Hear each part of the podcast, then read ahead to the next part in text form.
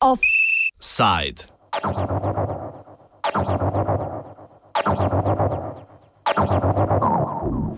Pet zvest nad sedmimi griči.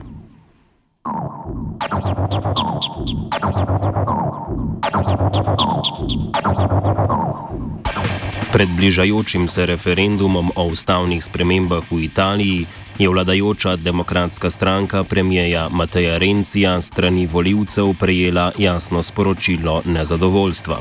Drugi krok lokalnih volitev je postregal zmago populističnega gibanja petih zvest v Rimu ter Torinu, vladajoča stranka pa tako ostaja le z enim županom v petih največjih italijanskih mestih in sicer v Milanu.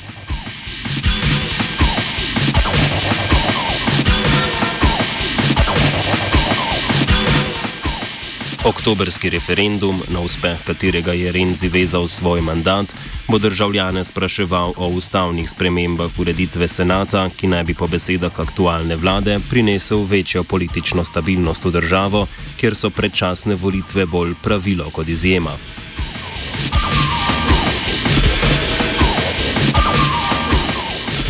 2,6 milijonov rimljanov je za prvo županjo prestolnice izvolila 37-letno odvetnico Virginijo Raggi, ki je kljub pomankanju političnih izkušenj prepričljivo premagala kandidata demokratske stranke Roberta Giacchetija. Na čem je temeljila predvolilna kampanja nove županje, pove Mojca Širok, dopisnica RTV Slovenija iz Rima. Virginija Raggi je poudarjala predvsem uh, uh, odpravo vseh uh, uh, postopkov, ki znotraj občinske administracije vodijo k korupciji in klientelizmu, ki, kot vemo, sta Rim v veliki meri pripravila do tega, da ima sedaj dva, 12 milijard evrov dolga. Spomnimo se na škandal Mafija Kapitale, ki je razkril, da so politiki, občinski politiki, občinski funkcionari s, s povezanimi podjetji, ki so jih vodili prav tako politiki oziroma simpatizeri tako desnih kot levih strank, skrajno desničarskih, skrajno levičarskih, v bistvu ropali občinsko blagajno prek javnih naročil za take stvari, kot so, bile, uh, kot so bila romska naselja, čiščenje parkov, združenja za nekdanje zapornike in predvsem za namestitev beguncev in prosilcev za azil. Takšna javna naročila, napoveduje uh, Virginija Rađi, bodo poslej javna. Županski stolček v Rimu sicer sameva že od oktobra lani, ko je ravno zaradi omenjene afere Mafija Kapitale odstopil Ignacio Marino. Prejšnji župan Ignacio Marino, ki so ga imenovali Marsovec, ker je na nek način poskušal unesti kljub vsem svojim negativnim lasnostim in, lasnostim in pomanjkljivostim, ki so mu jih sproti očitali, med drugim popolno nepoznavanje mestne administracije, pa tudi recimo neka taka osebna aroganca, s katero se je zameril številnim tudi sodelavcem. Ampak človek ni zmogel na, no, na noben način pravzaprav um, izpeljati stvari, ki jih je napovedal, ker so se mu na vsakem koraku nasproti postavljali številni lobiji, od gradbenih lobijev, od tistih, ki si tako ali drugače režejo kruh z javnimi naročili. In teh je v Italiji, predvsem na jugu države in predvsem v glavnem mestu, ki je blizu centru oblasti, ogromno. Nasprotniki nove županje ter gibanja petih zvest nasplošno upajo, da bo kakor za prejšnjega župana tudi zaradi upravljanja največjega italijanskega mesta prevelik zalogaj. Za nekatere je upravljanje Rima nemogoč posel in mnogi stavijo na to, da tudi Virginiji Radži ne bo uspelo. Upajo, da bo z neuspehom v rimski prestolnici tudi gibanje petih zvest na nacionalni ravni izgubilo ta uh, veter, ki ga ima sedaj v jadih. Prvič v njegovi devetletni zgodovini so voljivci gibanju petih zvest zaupali tako pomemben položaj. Gibanje, ki se je rodilo na nastopih predsednika stranke in komika Beppa Grilja, je do sedaj sicer že zasedalo županski položaj v Livornu ter Parmi, a gre za mesta, ki so več kot desetkrat manjša od prestolnice. Kljub zahtevnosti naloge, ki jo čaka, pa je Radži zastavila ambiciozen načrt. Eden njenih prvih ukrepov, kot je napovedala, bo javna objava na spletu vseh celotnega stanja v občinski blagajni, računov in vseh tistih prikritih bilanc, o katerih se politiki sicer ne morejo zmeniti, ali veljajo za rdečo številko ali ne veljajo za rdečo številko. Napovedala je takošno ureditev mestne infrastrukture, eh, šo, stanja v rimskih šolah. To so vse servisi, ki v Rimu v tem trenutku ne delujejo. Predvsem po izbruhu tega korupcijskega škandala z imenom Mafija Kapitale. Vsa javna naročila, ki se tičejo javnih mestnih ureditvenih del, kot je čiščenje parkov, pomoč pri pobiranju, odvažanju odpadkov, mestni čistilni službi, tako rekoč stojijo, ker se nišče v bistvu ne upa izvesti teh javnih naročil.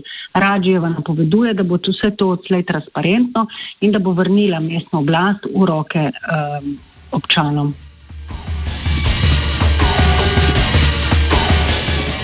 Fokus medijev po razglasitvi je trdno usmerjen v prestolnico.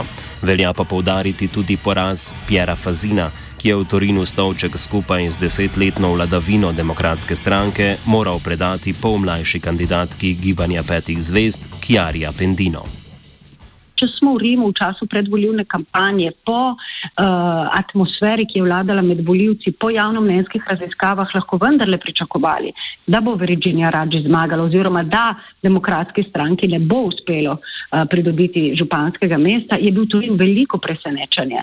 Pred prvim krogom volitev, 14 dni, ko se je še lahko javno objavljalo javnomnenjske raziskave, so te kazale celo, da bo Piero Fasino, dosedanji župan iz vrst demokratske, levo-sredinske demokratske stranke, premijer Rencija, zmagal že v prvem krogu. Tako da je bilo presenečenje že to, da se je Kjara Pendino, ki bo sedaj županja Torina, predstavnica gibanja petih zvez, sploh uvrstila v drugi krog in popoln šok, da je v drugem krogu prevladala. Kdo so voljivci gibanja petih zvest, pojasnjuje širok. Voljivci gibanja petih zvest je težko označiti s tradicionalnimi uh, političnimi kriteriji. To niso ne levičari, ne desničari, ampak so in levičari, in desničari.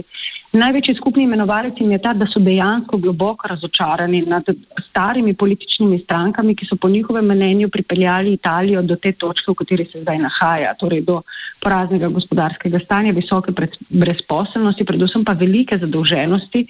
Uh, in uh, visokega, izjemno visokega, uh, visoke stopnje korupcije v javnih, v javnih organih na vseh ravneh, od vladnih do občinskih in uh, še celo družbenih. Kamorkoli pogledaš, v vsakem trenutku, pravzaprav v Italiji, skoraj da izbruhne kakšen škandal, s katerim se izkaže, da se naročila delijo po uh, klientelarnih merilih, da se javni denar tako rekoč razdeljuje brez vsakršnih pravil in da pravzaprav kljub temu, da Italija veliko denarja nameni za take ali drugačne usluge, ta denar nikoli ne doseže svojega cilja, ker ga prej po domače povedano pokradejo.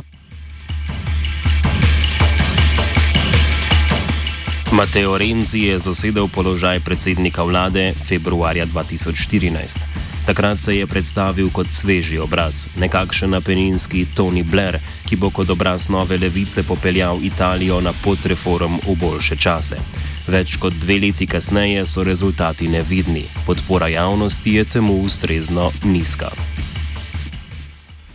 Poudarjamo neuspeh demokratske stranke zato, ker gre za dejansko velik udarec. Ne. Moramo vedeti, predvsem, ne toliko demokratski stranki kot rencizmu, kot pravijo tukaj v Italiji, besedi, ki izhajajo iz prijemka sedanjega premijeja Mateja Rencija. Mateo Renci se je komaj pred komaj dvema letoma, letoma tako rekoč z navednicah državnim udarom, a ne pa uspel najprej na vrh svoje stranke in potem še na vrh vlade. Spomnimo se, da je v bistvu s precej neelegantno potezo spodnesel svojega predhodnika in strankarskega kolego Enrika Leto, vzel v roke v bistvu vladanje in uh, napovedal popolno preoblikovanje Italije v najkrajšem možnem času, uh, preoblikovanje stranke, zamenjavo starih političnih kadrov, kandidatki gibanja petih zvest, ki sta zmagali v Rimu in Torinu, bi lahko bili rencistki, imata uh, politično strukturo, svežino, mladost, zagnanost in sposobnost, ki jo je Renci napovedoval za svoje kandidate. Vendar ni tako rekoč v dveh letih pokazal ničesar, razen tega, da se je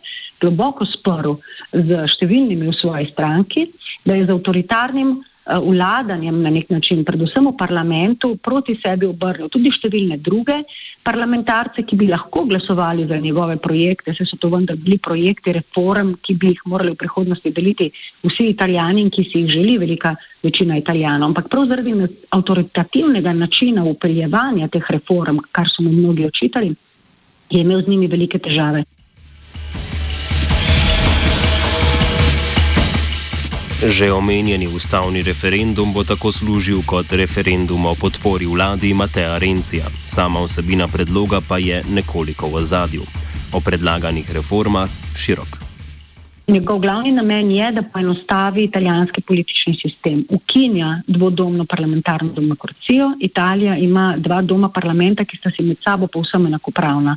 Zgornji senat in spodnji poslanska zbornica imata popolnoma enake naloge in pooblastila. To pomeni, da lahko zakonski predlogi eh, do večnosti, tako rekoč, eh, tavajo iz, ene, iz enega doma v drugega, saj čim, nekaj, čim v eni doživijo spremembe, mora te spremembe potrditi še druga in če istočasno upelje nove spremembe, se mora osnutek vrniti spet v drugi dom. Tako da danes mnogi eh, takšen sistem parlamentarne demokracije krivijo za v bistvu počasno delovanje italijanskega eh, političnega sistema. Premijer Renci je napovedal, da bo zgornji dom, torej senat, ukinil oziroma ga vsaj delno odpravil na mesto 315 senatorjev, ki jih volijo na splošnih, splošnih volitvah, bo v njem sedelo 100 senatorjev, ki pa bodo izbrani iz vrst um, županov in uh, državnih svetnikov. Druga velika posebnost je tudi ta, da napoveduje uh, spremembe pri volivnem zakonu, brez katerega seveda spremenjenega volivnega zakona tudi te ustavne reforme ne more biti.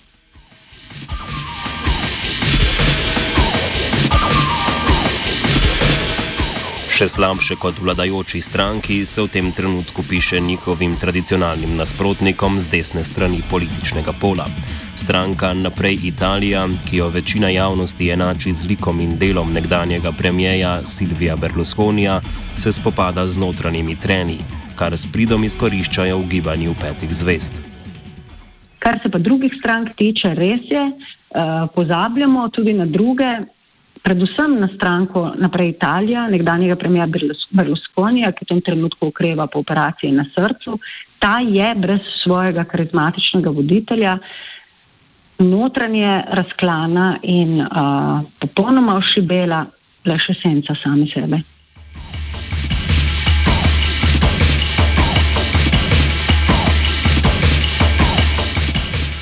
Premiki na politični šahovnici pa očitno še niso dosegli skrajnega severovzhoda države ob italijansko-slovenski meji. Drugi krok tržaških volitev je tako postregel z obračunom kandidata demokratske stranke ter naprej Italija, zmagal pa je slednji. Roberto Di Piazza je vladal Trstu že med letoma 2001 in 2011. Njegov mandat nam predstavi Sandor Tence, novinar primorskega dnevnika.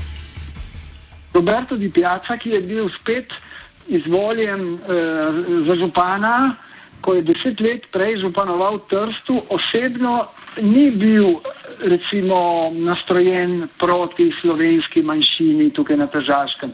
Pač pa je bila eh, proti težaškim slovencem precej nenaklonjena njegova koalicija. Takrat je bila taka desno-sredinska koalicija, v kateri so močno prevladovale te nacionalistične in takrat še neofašistične stranke.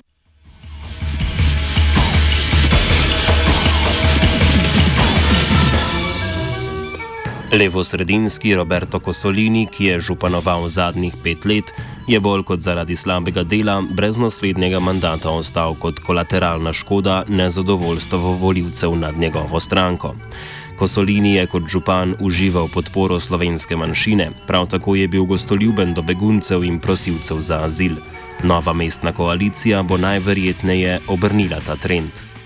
Politična izhodišča koalicije so precej podobna tistim eh, izpred desetih let ampak sedaj se je ta, kličemo, neofašistična desnica v sklopu te koalicije, eh, njena vloga je politično precej bolj šipka kot takrat, je pa recimo se je pa okrepila v tem času vloga Severne lige, te skrajno populistične stranke, ki jo zanimajo sicer bolj problemi migrantov in beguncev in do slovencev praktično nima nobenega odnosa.